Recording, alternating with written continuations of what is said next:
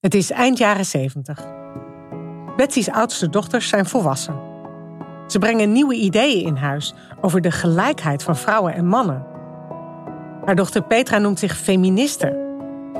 Zij studeert Nederlands en is verontwaardigd. De literaire kanon waarover ze tentamen moet doen, bevat alleen boeken geschreven door mannen. Haar medestudenten halen hun schouders op. Dit zijn gewoon de beste boeken. Maar haar gaat het te ver. Met een vriendin stelt ze een kanon samen met meesterwerken van alleen schrijfsters. Ze krijgen een docent zover dat ze hun tentamen daarover mogen doen en halen een dikke acht. Alleen heeft ze nu een brief ontvangen van de examencommissie dat dit tentamen ongeldig is. Zolang ze geen toets doet over de mannenkanon, krijgt ze geen diploma.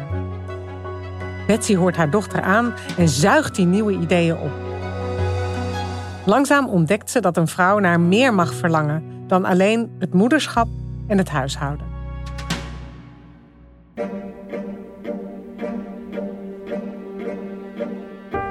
In geen enkele eeuw veranderde het leven van vrouwen zo sterk als in de afgelopen 100 jaar. Met invloed op iedereen. Hoe verliep de strijd om behandeld te worden als gewoon mens? En hoe beïnvloedt dit de maatschappelijke positie van vrouwen nu, in onze tijd? Dat onderzoeken we in de Eeuw van de Vrouw. En dus die van ons allemaal. Ik ben Susanna Jansen, schrijfster en, het is inmiddels bekend, geboren in 1964. Toen ik vijf was, verklaarde de paus vanuit Rome dat Maria Magdalena uit de Bijbel toch geen prostituee was geweest. Maar daar kom ik zo op. En ik ben Rachel van der Pol, journalist, geboren in 1983. In dat jaar waren er maar liefst twee vrouwelijke ministers tegelijk. Historisch. In deze zesde en alweer laatste aflevering van deze serie gaan we het hebben over uitgegumde vrouwen in de geschiedenis en hoe dat in zijn werk ging. Ja, dus dat machtige vrouwen en vechtlustige vrouwen en beroemde kunstenaressen, ontdekkingsreizigsters enzovoort onbewust, of soms juist zeer bewust, uit de geschiedenis zijn weggepoetst. Welk effect heeft dit op het beeld van wat vrouwen zijn en kunnen? En wat kunnen we nu doen om dat uitgummen te stoppen? Ik heb laatst iets fenomenaals gedaan. Oh ja? Ik heb een fles champagne gesabreerd. Dus echt met een sabel een fles onthoofd. Nee. Ja.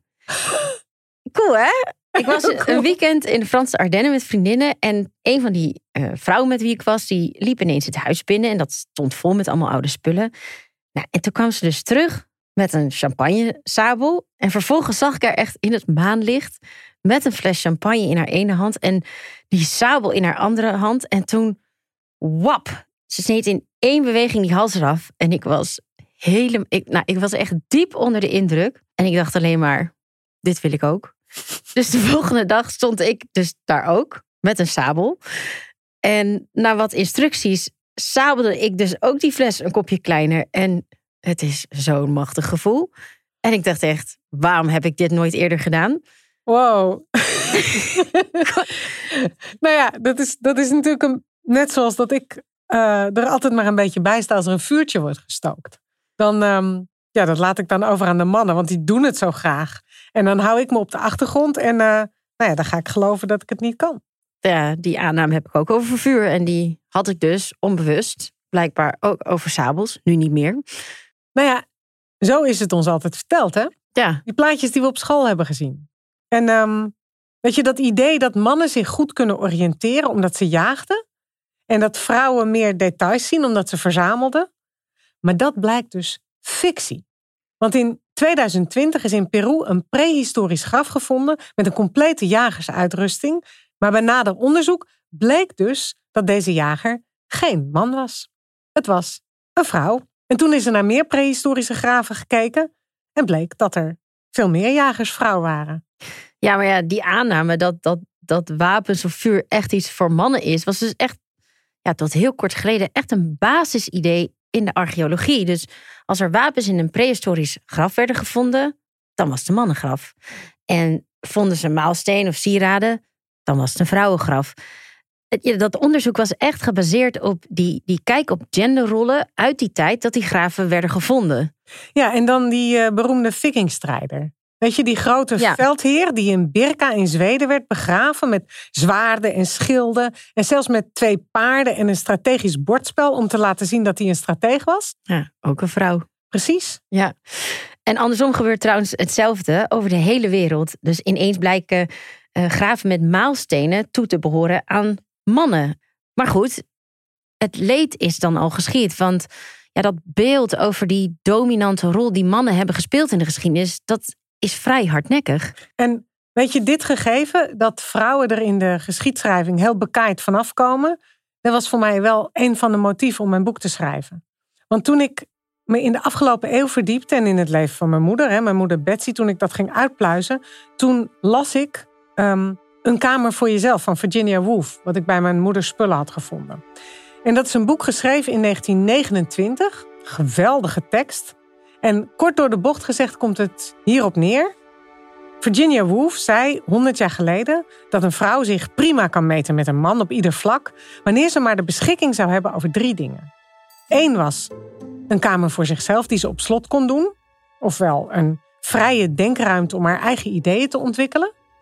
Twee, genoeg geld om voor zichzelf te zorgen. Nou ja, daar hebben we het in aflevering 2 al over gehad. En drie, een geschiedenis.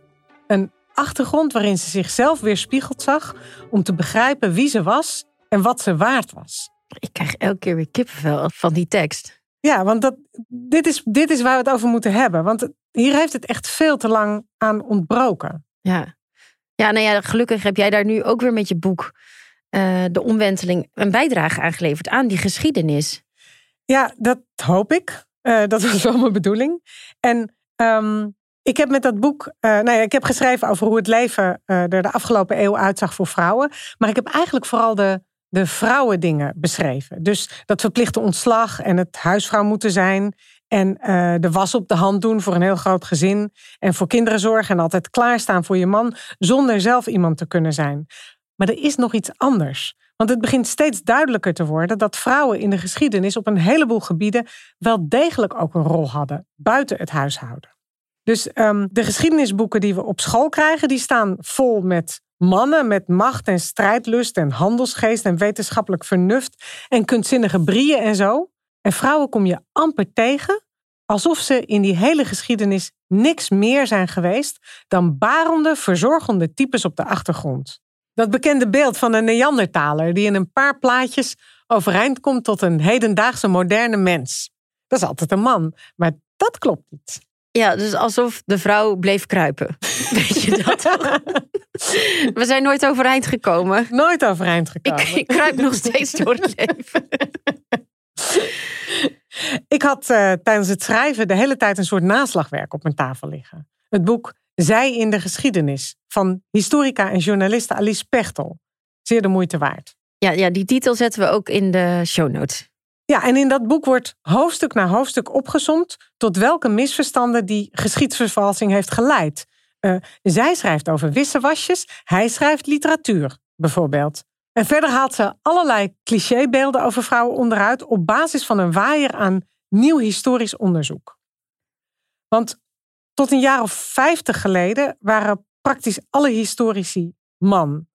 En die keken natuurlijk met hun eigen blik. En de geschiedschrijving waarmee wij zijn opgevoed, die is in de 19e eeuw nou ja, door die mannen opgetekend. En wat vrouwen deden en meemaakten, dat viel gewoon buiten hun blikveld. Of het werd niet gezien als iets van betekenis. En dat heeft grote invloed op hoe we naar vrouwen kijken. Maar eigenlijk dus, ja, hetzelfde als wat dus in de archeologie gebeurde, waar we het net over hadden. Precies, ja. En even een voorbeeld van hoe zoiets werkt. Um, Maria Magdalena, die zondares uit de Bijbel. Ik weet niet eens of ze letterlijk in de tekst prostituee wordt genoemd, maar dat is wel het beeld wat wordt geschetst. Die vrouw die uh, Jezus voeten waste en vergeving kreeg voor haar zonde omdat ze berouw had. Al in 1969 werd zij officieel door de paus in ere hersteld, omdat dat verhaal voor geen meter klopte. Uit geschriften uit de tweede eeuw blijkt dat zij Jezus' meest naaste vertrouweling was. Apostel der apostelen wordt ze genoemd. Ja, zo heb ik het dus nooit meegekregen. En ik heb op een christelijke basisschool gezeten. Ja, eh, ik op een katholieke. Ja. Eh, ik heb een hele katholieke achtergrond. Maar er zijn zelfs fragmenten gevonden van, eh, van de vertaling van een evangelie van Maria Magdalena. Maar in de zesde eeuw wilde paus Gregorius de Grote af van de machtige vrouwen in de kerk. En die zijn toen bewust uit het verhaal geschreven. En nou ja, Maria Magdalena was te bekend, dus die kon niet zomaar worden geschrapt. En toen is ze dus omgedoopt tot berouwvolle zondares. En wij zijn in dat frame blijven geloven. Zelfs nadat het Vaticaan, nou ja, meer dan een halve eeuw geleden, dit beeld officieel heeft gecorrigeerd. Ja, ja dat, oh. En zie, dan zie je dus hoe hardnekkig zo'n beeld is. Dit, zo'n beeld van Maria is- lijkt bijna niet te corrigeren. Nee, want dat, dat zien we nog steeds voor ons. En dat, en dat uitgummen gebeurde trouwens op meerdere manieren. Want werk van vrouwen werd ook vaak aan mannen toegedicht. Ja, nou ja, kijk bijvoorbeeld naar de ontdekking van de structuur van DNA. Eh, de meeste mensen kennen denk ik wel dat plaatje van die dubbele helixstructuur van DNA. En voor de uitvinding hiervan wonnen twee mannen in 1962 de Nobelprijs voor de fysiologie. Onterecht. Die had dus naar Rosalind Franklin moeten gaan, een Britse fysiologe. Want in 1952 maakte zij als eerste een fotografisch beeld van DNA met een techniek die zij had aangescherpt. Maar ja, een mannelijke collega van haar liet zonder haar toestemming deze foto zien aan haar mannelijke concurrenten. En de rest is geschiedenis. Nou en het werk van Judith Leister, een hele belangrijke schilderes uit de Gouden Eeuw. Op jonge leeftijd al meesterschilder was ze en als enige vrouw lid van het Gilde in Haarlem. En in haar eigen tijd was ze beroemd, maar in de 19e eeuw werd haar werk toegeschreven aan Frans Hals. Of dat beroemde urinoir van Marcel Duchamp uit 1917. Er zijn meerdere experts die zeggen dat het idee om een urinoir tot kunstwerk te maken niet van hem was, maar van kunstenares Elsa von Freitag Lorenhoven. Maar musea gaan dat natuurlijk niet veranderen, want daarmee wordt dat werk dan minder waard. Echt? Ja, dat is natuurlijk een hele belangrijke factor. Oké. Ja, en weet je, soms was dat toedichten jatwerk, maar soms was het ook noodzakelijk. Want werk van een vrouw werd heel vaak niet serieus genomen. Ze kwam er gewoon niet tussendoor als ze niet een, een vader of een broer had die bekend was en die haar onder de aandacht bracht. En ze kreeg ook heel vaak geen podium onder haar eigen naam. Ja, dat las ik dus ook. Dat dus eh, soms ook vrouwelijke wetenschappers zich erbij neerlegden dat een man met haar werken vandoor ging, omdat die eh, uitvinding dan zo belangrijk was. En ze wist dat het onder haar naam gewoon, ja, zou geen bekendheid krijgen. Dus voor de wetenschap had ze iets van, nou oké, okay, zwa. Ja, ja. Maar weet je dat zelfs in 1997 Joan Rowling het advies kreeg van haar uitgever om haar Harry Potter-serie niet onder eigen naam uit te geven, omdat dan jongens het niet zouden willen lezen? Dus vandaar dat ze zich J.K. Rowling noemt. 1997. Dat kun je Ja. niet geloven, hè? Ja, En hoezo zouden jongens dat niet willen lezen? Ik bedoel, ik geloof, ik geloof dat eigenlijk ook niet. Ik, ik kan het niet geloven. Ik bedoel, zouden jongens van 12, 13 eh, kijken naar de naam van de, van de schrijver, schrijfster, voor ze een boek gaan lezen? Dat zit toch in het hoofd van die uitgever? Tuurlijk, maar ik denk dat omdat ze dan zoiets meegeven aan die J.K. Rowling, hou je wel weer zo'n vooroordeel in stand. Totaal. Ja. Als je dan eh, uitzoomt en kijkt naar de mechanismes achter dat jatwerk en dat uitgummen. Nou ja, hetzelfde patroon eh, gebeurde bij inheemse volken en tot slaafgemaakte. Hè? Dus ook hun geschiedenis is genegeerd of geclaimd door anderen of ja, door witte mensen. Ja. Het is hetzelfde mechanisme. Ja, bij de geschiedenis van vrouwen is trouwens die omslag ingezet eh, in de jaren 70. Toen er ook nou ja, steeds meer vrouwen kwamen die geschiedenis gingen studeren en onderzoek gingen doen. En dat er juist nu baanbrekende nieuwe ontdekkingen worden gedaan.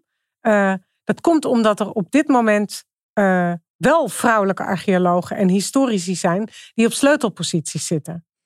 Niemand was eerder op het idee gekomen dat die vikingstrijder misschien geen man zou kunnen zijn. Want ja, al die wapens in dat graf en alles. Tot een vrouwelijke onderzoeker opmerkte dat die heupen op vrouwenheupen leken. En ging zoeken. Ja. ja, wat ik ook zo opvallend vind bij dit soort ontdekkingen, zijn dus de nieuwe vragen die ze oproepen. Dus Ineens werd bijvoorbeeld bij die vrouwelijke vikingstrijder ter discussie gesteld of de voorwerpen waarmee ze was begraven eigenlijk wel iets zeiden over wie ze was. Of zelfs of ze wel echt op een slagveld was geweest. Dat is niet te geloven, hè? Ja. ja, terwijl dit eigenlijk gaat over, nou ja, over iets heel belangrijks. Want als je nadenkt over die nieuwe ontdekkingen, dan gaat je zelfbeeld kantelen. Ja. Want als vrouwen net zo goed jagers waren en net zo goed strijders, ben ik dan nog wel wie ik dacht dat ik was als vrouw.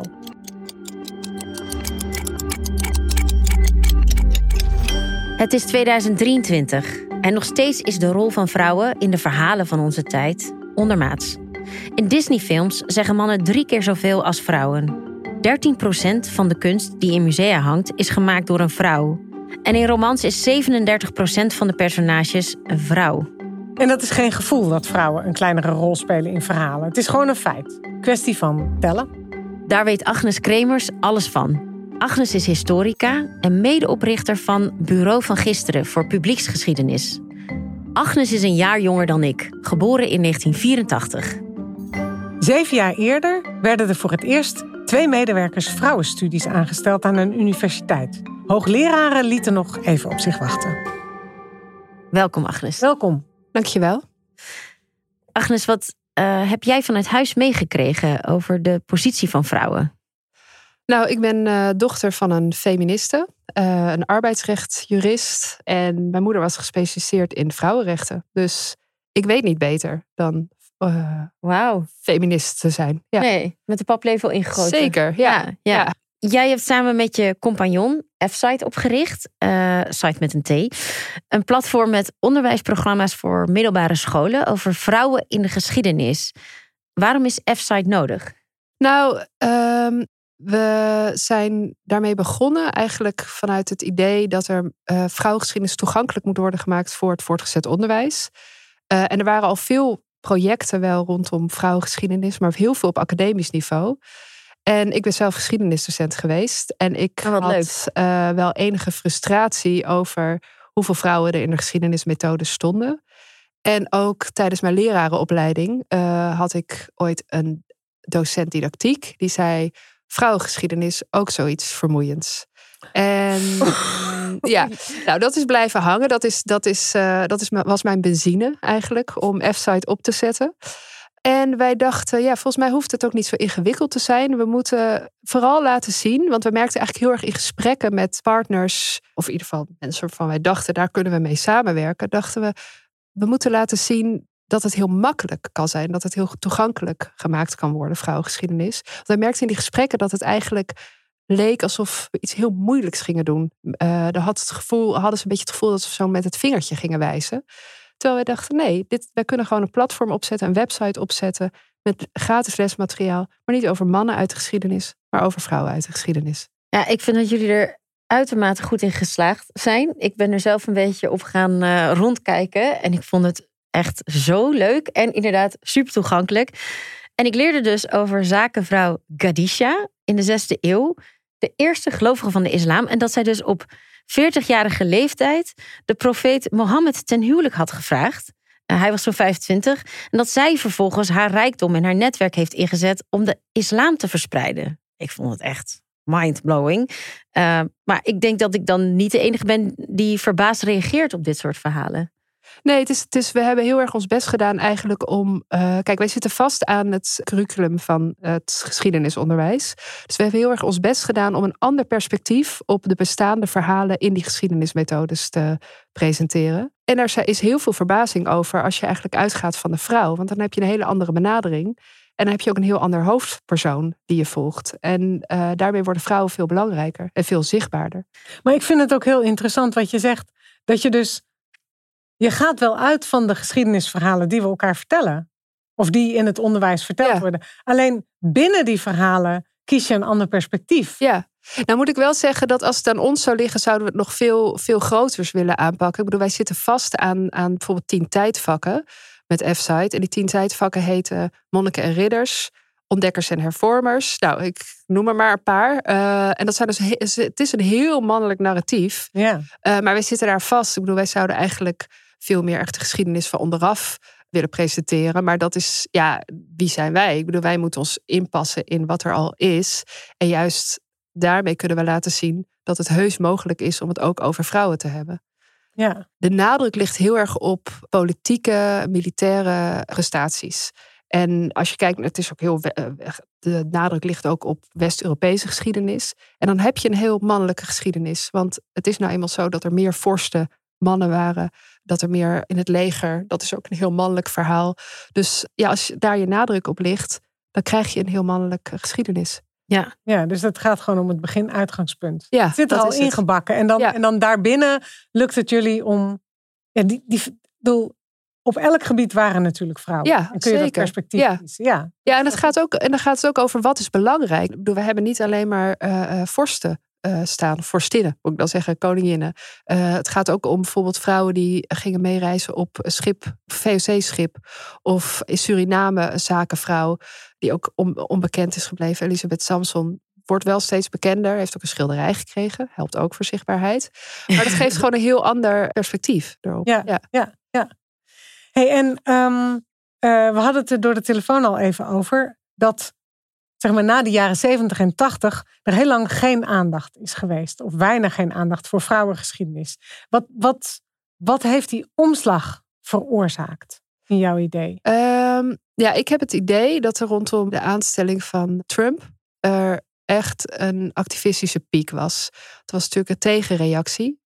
Dus ook uh, rond, dus eigenlijk ook begin die tijd eh, van de, van de MeToo-beweging. Uh, het was geen vraag meer of seksisme nou echt bestond. Na, na Grab Them by the Pussy. Precies. Niemand hoefde meer te denken, oh, maar is dat echt nog van deze tijd? Ja, dat was duidelijk.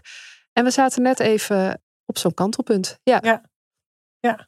Ik heb dat zelf eh, persoonlijk ook echt zo ervaren. Dus je hebt dan zeg maar die, die golf in het Ja. algemeen. En dan op individueel niveau. Dat ik bij mezelf merkte 2014, 2015. Dat er bij mij ook echt zo'n soort bewustwordingsgolf in mezelf opkwam. Ja. Over deze onderwerpen. En ik wist altijd wel van, oh ja, het is een beetje ongelijk. En in één keer dat er zo'n vuur werd aangewakkerd. Inderdaad, door al die gebeurtenissen. Dan ga je met elkaar praten. En dan eh, deel je die ervaring. En Ja. denk je, oh wacht, dit, waarom vinden we dit eigenlijk normaal? En waarom doen we dat Ja. eigenlijk zo? Ja. Voor we verder gaan met dit verhaal, eerst even naar een gesprek dat ik eerder had. Ik heb eh, gebeld met Chidem Yüksel, een fotografe. Zij was winnaar van de zilveren camera in 2016. En ze was toen trouwens de tweede vrouw die die prijs won. Ook al bestond die al sinds 1949. En ik vroeg haar eerst wat zij thuis had gezien aan rolverdeling tussen vrouwen en mannen. Uh, bij ons thuis uh, had en heeft mijn moeder de broek aan. Zij bepaalt alles. Naar buiten toe lijkt het alsof mijn vader de hoofd van het huis is en alles regelt. Maar als je uh, ons huis binnenkomt, het huishouden ziet, dan is het eigenlijk mijn moeder die alles bepaalt. Chidem is bezig om een groep vrouwen uit de recente geschiedenis aan de vergetelheid te ontrukken voor het te laat is. En het gaat om de eerste generatie Turkse vrouwen die eind jaren 60, begin jaren 70 naar Nederland kwam. Dit zijn vrouwen die een belangrijke bijdrage leverden aan de stijgende welvaart. En ze werden hierheen gehaald omdat er personeelstekorten waren.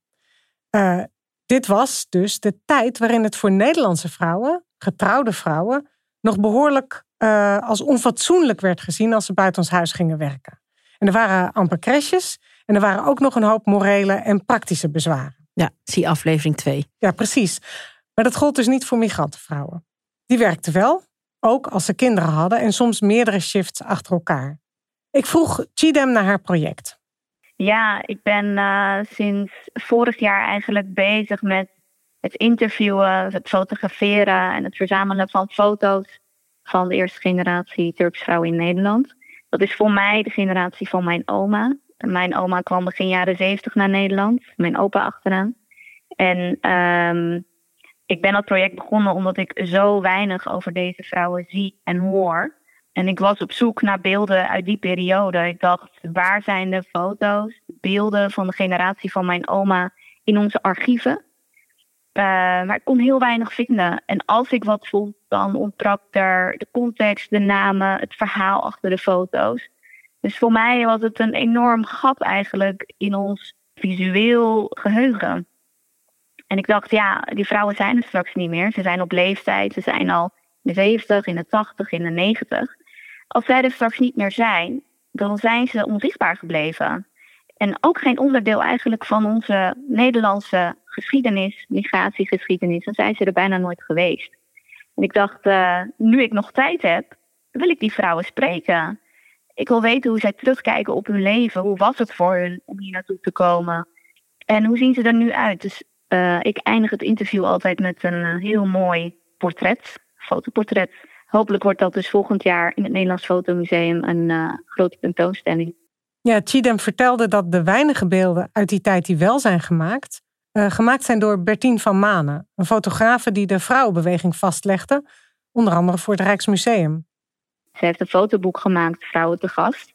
En zij is de enige fotografe geweest die in die tijd, eind jaren zeventig, zich volledig richtte op het leven van vrouwen die net in Nederland aankwamen, gastarbeidersvrouwen. En dan gericht op de Turkse, de Marokkaanse, de Tunesische, de Bosnische, de Italiaanse, de Spaanse vrouwen. Het is een enorm mooi document geworden waar we nu, um, waar ik nu in ieder geval met heel veel plezier op terugkijk. Omdat ik denk, uh, dus, dit is eigenlijk het enige waar ik in ieder geval op terug kan vallen. Als ik iets wil zien uit die tijd. Van het leven en, de, en het werkleven van die vrouwen. Zij is dus de fabrieken ingegaan. Uh, heeft thuis gefotografeerd. Heeft in kraakbanden gefotografeerd. Ik vroeg waarom zij denkt dat deze vrouwen zo buiten beeld zijn gebleven. Waarom andere fotografen ze niet vastlegden. Een vaak gehoord argument is: ja, we kregen geen toegang. Uh, het was moeilijk om dichtbij te komen. En een andere reden waarom deze vrouwen niet zijn vastgelegd, is misschien omdat het gewoon niet interessant genoeg gevonden werd. Het landschap van archivarissen, van fotografen, van schrijvers die zich richten op die verhalen, ja, misschien interesseerde het ze niet. Als ik ook nu kijk naar het fotografenlandschap, hè, welke, door welke blik zien wij eigenlijk de wereld? als je naar Nederland kijkt naar welke fotografen ons de wereld laten zien, dan is het merendeel man. Dus vaak de mannelijke perspectief. Uh, de mannelijke, de omgeving van die mannelijke fotografen die we te zien krijgen. Um, en in die tijd inderdaad was Bertien van Manen waarschijnlijk dus een van de eerste fotografen die serieus werd genomen, die succes had en die zo'n fotoboek kon uitbrengen. En dat is super waardevol geweest. Dit leverde een zeldzaam inkijkje op in het leven van deze vrouwen, voorbij de clichébeelden die je zou verwachten. We weten dat die vrouwen in fabrieken hebben gewerkt. We weten dat ze onder erbarmelijke arbeidsomstandigheden gewerkt hebben. Dat er protesten hebben plaatsgevonden. Hè, uh, protest van Turkse uh, vrouwen die voor het eerst uh, straat op gingen voor betere arbeidsomstandigheden in de kippenfabriek waar ze werken. En kort gedingen gewonnen hebben en zich aansloten bij vakbonden. Dat is een stukje geschiedenis die ik totaal niet kende. Ik heb dat nooit meegekregen. En dankzij Bertien is dat nu wel. Dat, dat is te gek. Maar daarna is, het, is er niks meer gebeurd. En ik ben nu volgens mij de volgende die, uh, die daar weer licht op probeert te schijnen. Hoe klinkt dit voor jou? Ja, heel herkenbaar. Interessante is dat ik. Uh, ik zie ook heel veel gelijkenissen met wat zij zegt over mannelijke fotografen. Met de historici. Want die schrijven op wat ze zien. Net zo goed als de fotografen foto's maken van hun eigen omgeving. Zijn de historici ook die schrijven op waar ze bekend mee zijn. Met welk beeld ze bekend zijn. Uh, ja, er zitten heel veel gelijkenissen. En ik vind het heel mooi hoe zij omschrijft dat je eigenlijk uh, het nodig hebt dat er één persoon eigenlijk voor ze opkomt om, te, om ze op een podium te zetten. Ja. En dat is, dat is heel herkenbaar. Ja. Dat ben jij nu ook aan het doen. Tenminste, jij bent ook bezig met een tot nu toe on, ja, redelijk onzichtbare groep vrouwen uit de recente geschiedenis. Ja. Want jij onderzoekt de rol van vrouwen in het verzet in de Tweede Wereldoorlog. Ja. Wat, wat kom je tegen? Heel erg veel. uh, ze zijn ja, er dus. Ze zijn, ja, nee, het zijn er echt ontzettend veel. Ik moet ook zeggen, we hebben het onderschat. Uh, het onderzoek ook. We zijn nu zo'n anderhalf jaar, misschien wel bijna twee jaar uh, bezig met onderzoek. We zijn nu ook aan het schrijven. En we vinden zo ontzettend veel verhalen. En nou is het niet zo dat, dat er nog helemaal geen verhalen bekend waren. We, we bedoel, er zijn ook eh, bijvoorbeeld heel veel biografieën al geschreven. Maar nog steeds stuiten we op verhalen die dat wij denken: hoe kan het dat dit niet bekender is? Of bijvoorbeeld dat je verhalen hebt waar niet het hele verzetsverhaal van de vrouw naar voren komt, maar heel beperkt. Of waar ze bijvoorbeeld heel erg in haar zor zorgrol wordt weggezet. En dan vinden wij bronnen van die vrouwen. En dan denken we, ja, maar dit moet de historicus toch hebben gezien. Dat zij ook dit heeft gedaan. En dan denk ik, nou, terugkomend op wat we net bespraken, dat er toch er mist een genderbril, zeg maar. Er, Ja. mist, er mist dat je, dat je vanuit een ander perspectief kijkt. En ja, en rondom de verzetsvrouwen, er is gelukkig steeds meer aandacht eh, voor. Ik bedoel, wij zijn ook niet de enige. En we werken ook heel veel samen, we versterken elkaar ook. En ja, het, het is, het, is, ehm, het is eigenlijk zonde dat we nu, nu pas, zeg maar, of zo, dat zoveel mensen er tegelijkertijd mee bezig zijn. Want dit zou je eigenlijk natuurlijk een tijd terug willen hebben gedaan, dat ze nog veel ze nog meer in leven waren. Ja, ja, ja. Ja, Ja. Hey, en Agnes, hoe kan het dan dat ze niet gezien zijn? Ik denk een van de redenen is dat de historici die lang over de Tweede Wereldoorlog eh, hebben geschreven, zijn mannelijke historici. Nu krijgt Lou de Jong, natuurlijk bekend van het standaardwerk over de Tweede Wereldoorlog, heel vaak de schuld hiervan. Want die heeft eigenlijk bepaald hoe er over de Tweede Wereldoorlog dat in de geschiedschrijving terecht is gekomen. Hij, is, hij heeft dat werk opgeleverd. Dus hij heeft ook heel belangrijk onderdeel gehad in schrijven over het verzet. Eh, nou is het niet zo dat Lou Jong niet over vrouwen schreef. Maar hij benadert het heel erg vanuit een mannelijk perspectief. Namelijk dat verzet is betrokken zijn bij een verzetsgroep. Fulltime betrokken zijn bij zo'n groep. En dan valt de hulp aan onderduikers er weer buiten. Want dat valt dan niet onder echt verzet. En daarmee sluit je ontzettend veel vrouwen uit. En daarom vinden wij dus zoveel vrouwen die nog onbekend eh, zijn gebleven. Maar dat is heel bepalend geweest. Dus Want- pleegde verzet, maar op een andere manier. Op een andere manier. Soms ook wel op dezelfde manier van als je kijkt naar de jonge studenten die bijvoorbeeld geen kinderen hadden, niet eh, gehuwd waren, die meer vrijheid hadden. In zekere zin minder te verliezen, vol bravoer. Dus dat komt meer overeen met eh, misschien het beeld wat je ook van mannen hebt. Maar ja, als je kijkt naar fulltime verzet, ja, niet alle vrouwen, zeker als je kinderen hebt of gehuwd was, heb je niet altijd de mogelijkheid om fulltime illegaal ondergronds te gaan. Eh, en als het gaat om hulp aan, aan onderduikers, wat in zekere zin kan je eigenlijk wel stellen dat dat misschien wel belangrijkste verzet is. Ik bedoel, het gaat echt om het redden van levens, waar je je eigen leven op het spel zet. Nou ja, wij stuiten op verhalen van vrouwen die bijvoorbeeld tien, tien Joodse kinderen in hun huis hebben. En ja, die, die hebben helemaal geen plek gekregen. Daar zijn wel, er is wel op gereageerd. Er zijn, er zijn historici geweest die vervolgens, eh, zoals Bert-Jan die heeft echt de hulp aan Joodse onderduikers vervolgens helemaal in een, in een proefschrift uiteengezet. Waar ook, en daar zie je dat er heel veel vrouwennamen in zitten. Eh, maar dat zijn, ja, dat zijn dan toch weer deelstudies. En dat lijkt niet helemaal door te drinken. Van dat, dat de aandeel van vrouwen zo groot was. Maar wat ik nu echt denk, mijn oma, eh, Mhm. de ja, moeder van mijn vader. Ja. Als ik dat dus nu in dit perspectief bekijk, denk ik, oh, zij was een verzetsmeisje. Ja, ja, Verzetsvrouw. Zij heeft eh, melk gekarnd, ze heeft eten gemaakt voor onderduikers. ja, ja. Maar dat was, werd helemaal niet zo Nee. verteld, helemaal Nee. niet zo gezien. Nee, dat wordt dan als ondersteunend. Dat, wordt als, dat was ondersteuning. Ja, terwijl, ja, Cruciaal. cruciaal, absoluut. Ja, absoluut. ja. Ja, ja. Hoe kom je aan bronnen? Hoe kom je aan verhalen van deze vrouw? Want dit klinkt als ook heel onzichtbaar werk. ja. Wat Nou, natuurlijk ook onzichtbaar moest zijn, maar ja, dat, dat ook. Dat, ook. nou ja, dat is ook dat is een bekend verhaal bijvoorbeeld van Jacoba van Tongeren. Die had, dat is eh, verzetsleider in Amsterdam. Eh, daar is haar eh, neef, heeft een boek over haar geschreven. Maar is ook, die had eigenlijk zo'n geheime organisatie. Dat het heel lang, ook na de oorlog, geheim is gebleven. Ehm, maar wij vinden ja, in de archieven ontzettend veel verhalen. Er zijn verslagen opgetekend na de oorlog. Er zijn heel veel couriersters geïnterviewd. Eh, dus die bronnen zijn er gewoon. er zijn zeker, die bronnen zijn er. Ja, absoluut. Waar, waar ik heel benieuwd naar ben, want jij zegt ook, het is zo makkelijk om iemand een schuld te geven. Hè? Maar er Ja. is natuurlijk geen grote boze wolf of Nee, onwelwillendheid. Het is gewoon ook eh, de, de genderblik waarmee je bent Ja. opgegroeid. Nou ja, jij bent in een feministisch gezin opgegroeid. Heb jij toch nog ergens ook last van jouw eigen blik tijdens het doen van onderzoek? Dat je over dingen heen kijkt Ja. door jouw Ja. blik? ja, zeker. We hebben een, ik ga nog niet haar naam noemen, maar we hebben een vrouw gevonden. Waarvan wij eigenlijk al heel vroeg eh, een eh, enquête eh, uit de jaren, nou, eind jaren 40 hadden doorgenomen. En daar staat heel veel in. maar het drong niet tot ons door. Want wij hadden ook al eerder over haar gelezen dat zij eigenlijk heel erg rondom haar zorgrol in het verzet. En dat zat blijkbaar ook vast in ons hoofd. We hadden heel veel extra bronnen nodig om vervolgens weer terug te gaan naar die eerste bron die we over haar hadden gelezen. En toen dachten we, hé, hey, maar zij zegt het hier zelf al. Maar wij waren blijkbaar niet overtuigd nog. Want zij zegt het zelf, maar we hadden dus heel veel extra informatie nodig om echt. Om haar te geloven. Ja, ik, weet niet, ik weet niet per se, want we geloven ze wel snel. Dat, dat, dat is. Uh, want dit was ook eigenlijk echt vlak na de oorlog door een officiële commissie.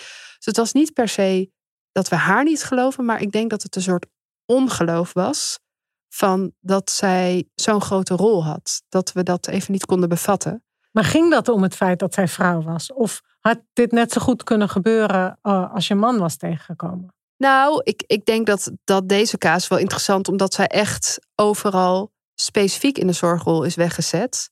En dat het bij ons even duurde om even de bravoer te vinden om haar vanuit een ander standpunt te bekijken. Dus ik denk wel degelijk dat het heeft te maken met, met dat zij vrouw is. En dan is het ook nog zo dat vrouwen vaak, nou niet, niet vrouwen vaak, dat moet ik niet zeggen, maar er zijn, er zijn vrouwen die al heel vroeg illegaal werk deden, maar die deden bijvoorbeeld al heel veel, al vanaf het begin. En dat begint vaak gewoon met mensen helpen. En dat is dan makkelijker soms te plaatsen voor historici van, oh ja, die deden dat al vroeg. Uh, die gingen bijvoorbeeld al vroeg Joodse kinderen helpen. Uh, maar als je dan verder kijkt, ja, die, die gaan niet opeens in 42, 43 denken, nou nu stop ik ermee. Nee, die gaan verder en verder en verder. Ik bedoel, die raken half overspannen ook in de oorlog. Want die, die, die zoeken hun grenzen op. En dat zie je ook bij mannen in het verzet. Maar die zitten een beetje overal. En dat is veel lastiger te duiden dan als je je bijvoorbeeld verbindt al heel vroeg aan een netwerk. Ehm, maar zij zaten een beetje overal. Dus voor ons ook heel lastig om te bedenken van, maar wat doet ze nou allemaal? Dat, dat heeft tijd nodig. Ja. Um, komt hier een boek van? Er komt een boek van. Uh, nee, we zijn nu druk aan het schrijven en we hopen volgend jaar te publiceren. Ja, ja. ja. Ben je optimistisch over de koers die de rol van vrouwen in de geschiedenis nu uh, vaart? Ja, ja, zeker. Want ik, ik, uh, wij geven nu ook af en toe lezingen. En heb ik op één sheet van mijn PowerPoint-presentatie altijd de hoeveelheid boeken staan die de afgelopen 15 jaar over verzetsvrouwen zijn geschreven. Uh, en dat zijn er ontzettend veel. En het is wel heel biografisch. Uh, dus daarmee hou je het eigenlijk ook heel individueel. Dus ik denk dat er wel behoefte is om, om vrouwengeschiedenis wat breder in te zetten. Om meer de context en meer de netwerken, in ieder geval op het gebied van, uh, van de verzetsvrouwen te zien. maar ik denk dat er verschuiving plaatsvindt. En dat geldt eigenlijk niet alleen voor verzetsvrouwen. Er is sowieso voor vrouwengeschiedenis steeds meer interesse. en dat zie je onder andere aan de hoeveelheid boeken die er verschijnen. Ja. Nou, dankjewel Agnes voor je komst en het eh, delen van je kennis. Ja, jullie ook bedankt. Ja. Zo interessant. Ja, ja en uh, schrijf meer.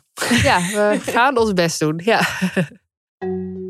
Ja, we hebben het in deze aflevering dus over dat beeld van wat vrouwen zijn en kunnen. En ja, ik moest dus denken aan de allereerste keer dat ik naar de bioscoop ging.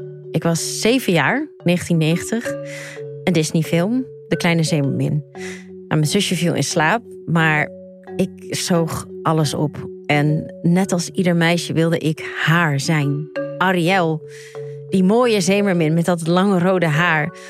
Uh, nou ja, en nu moet je dus weten dat ik mij in die tijd verre van een mooi meisje voelde. Ik had een soort mysterieuze vorm van haaruitval. Dus ik had overal kale plekken op mijn hoofd, afgewisseld met wat plukjes piekhaar. Dus als we zeemerminnetje in het zwembad speelden en dat je dan dus zo je haar naar achter wilde zwiepen, nou, dat, dat ging dus bij mij niet. Ik, uh, ik moest altijd Prins Erik spelen.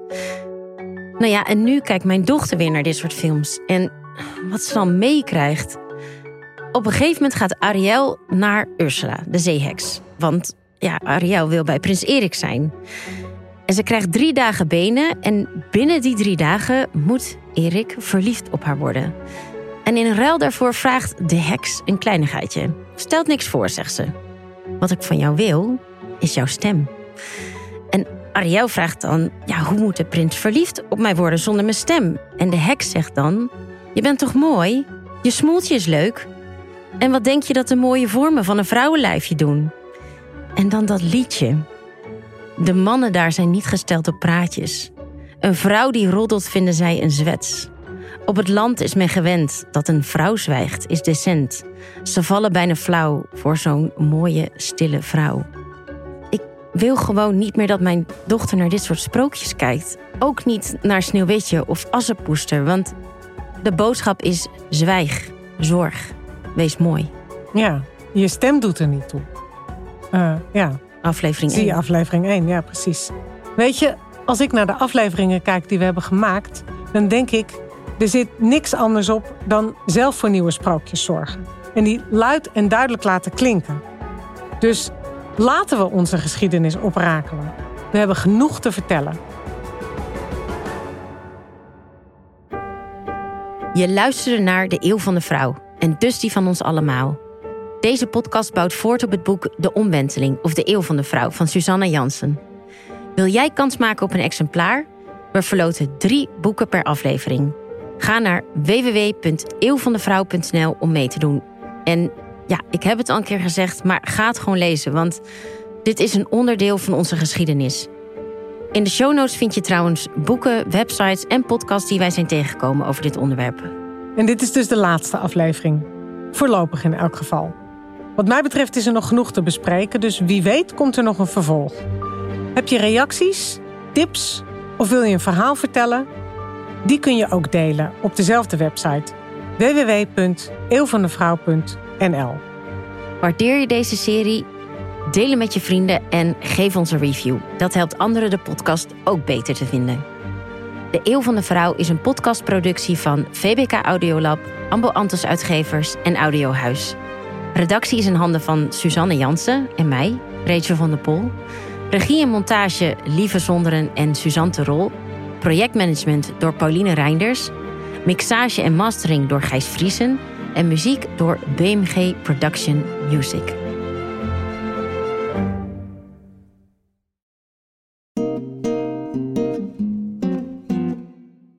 Welkom bij Lieve Els. Een podcast waarin ik brieven beantwoord over terugkerende patronen die jou ervan weerhouden het leven te vieren. En zo zie je maar weer dat patronen uh, die onvoldoende aan zijn gekeken, ja, die gaan door vaak naar de volgende generaties. En een van de wetmatigheden is ook van dat wat je afwijst bij je ouder, dat installeer je ook vanuit een onbewuste loyaliteit bij jezelf. Mijn naam is Els van Stijn. Ik ben coach, familie- en organisatieopsteller en auteur. Bekend van de bestseller De Fontein, Vind je plek. En ik ben Rachel van der Pol, jouw host. Ik laat nooit in een opstelling uitspreken: ik hou van jou. Want dat resoneert niet. Ik laat wel uitspreken: ik zie je. En dan voel je gewoon dat er in een lichaam iets anders gebeurt. Ja, dus de Belgen hebben het veel bij Ik zie u graag. Oh ja, prachtig hè? Ja. Met deze podcast hopen we meer inzicht te geven in familiesystemen en de bijbehorende krachtenvelden die ons leven beïnvloeden. Ik leef. En dat neem ik als een groot geschenk aan, want het leven is bijzonder. Als je al je voorouders achter je zet, tot helemaal tot het begin. Als één iemand niet op die plek had gestaan, dan was jij er niet geweest. Zo simpel is het. Dus het leven is een heel groot geschenk. En daar zeg ik ja tegen. Luister naar Lieve Els vanaf 6 februari in je favoriete podcast-app.